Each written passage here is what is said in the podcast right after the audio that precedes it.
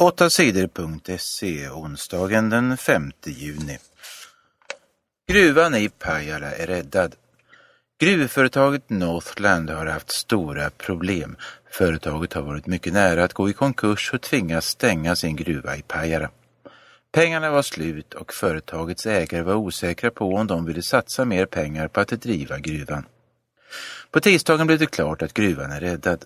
Företagen Folksam, LKAB, Peab och Metso hjälper Northland med 665 miljoner kronor. Det betyder att gruvan kan vara igång redan om några dagar. Cheferna i Pajala kommun firade med kaffe och kakor. Det känns väldigt bra. Vi känner oss lättade, säger kommunalrådet Kurt Wennberg. Idag arbetar 200 personer i gruvan i Pajala. Om några år tror cheferna att tusen personer kommer att jobba i gruvan.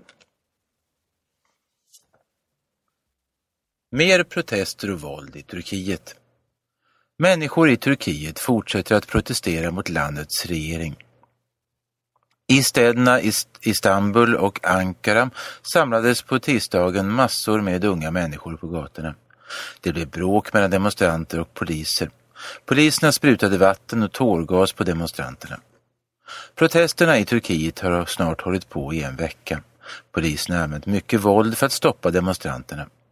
Nu har regeringens vice premiärminister bett folk om ursäkt för våldet. Turkiets ledare Erdogan har varit omtyckt av de flesta i Turkiet. Men nu har många unga människor i storstäderna tröttnat på Erdogan och hans regering.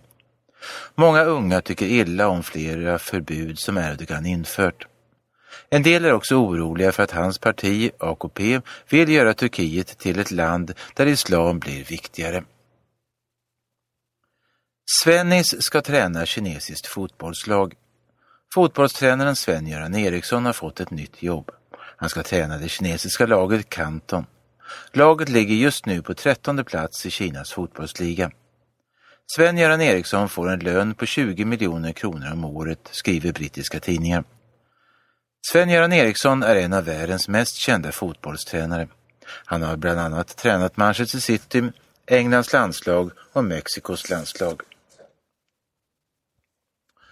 Åtta sidor tar ledigt. Imorgon den 6 juni är Sveriges nationaldag. Då är de flesta som jobbar lediga. Åtta sidor tar också ledigt. Men på fredag den 7 juni är vi tillbaka med nyheter på 8sidor.se som vanligt. Det finns flera anledningar till att 6 juni är nationaldag. På sätt och vis kan man säga att det var den dagen Sverige blev ett eget land. Den 6 juni 1523 valdes Gustav Vasa till kung i Sverige. Då slutade samarbetet med Danmark som innebar att samma kung styrde både Sverige och Danmark.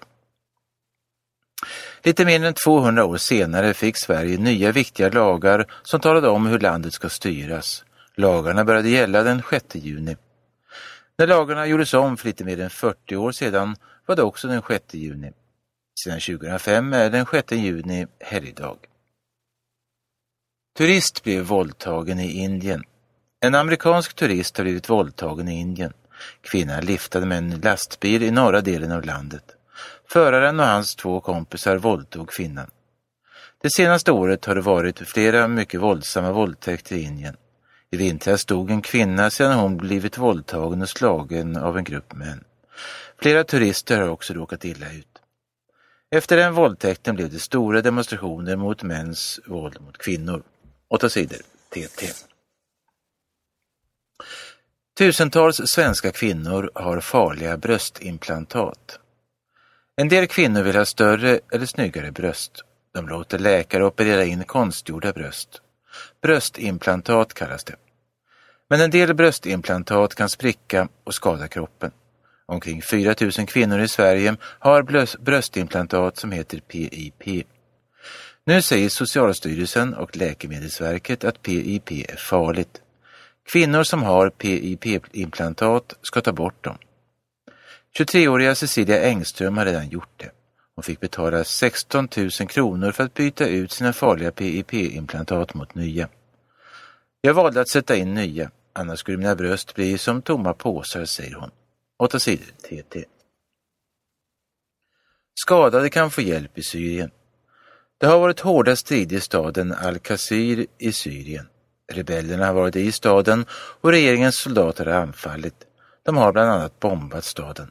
Många människor har dödats och flera tusen har skadats. Så länge striderna höll på fick de ingen hjälp. Regeringen lät inte hjälparbetare komma till staden.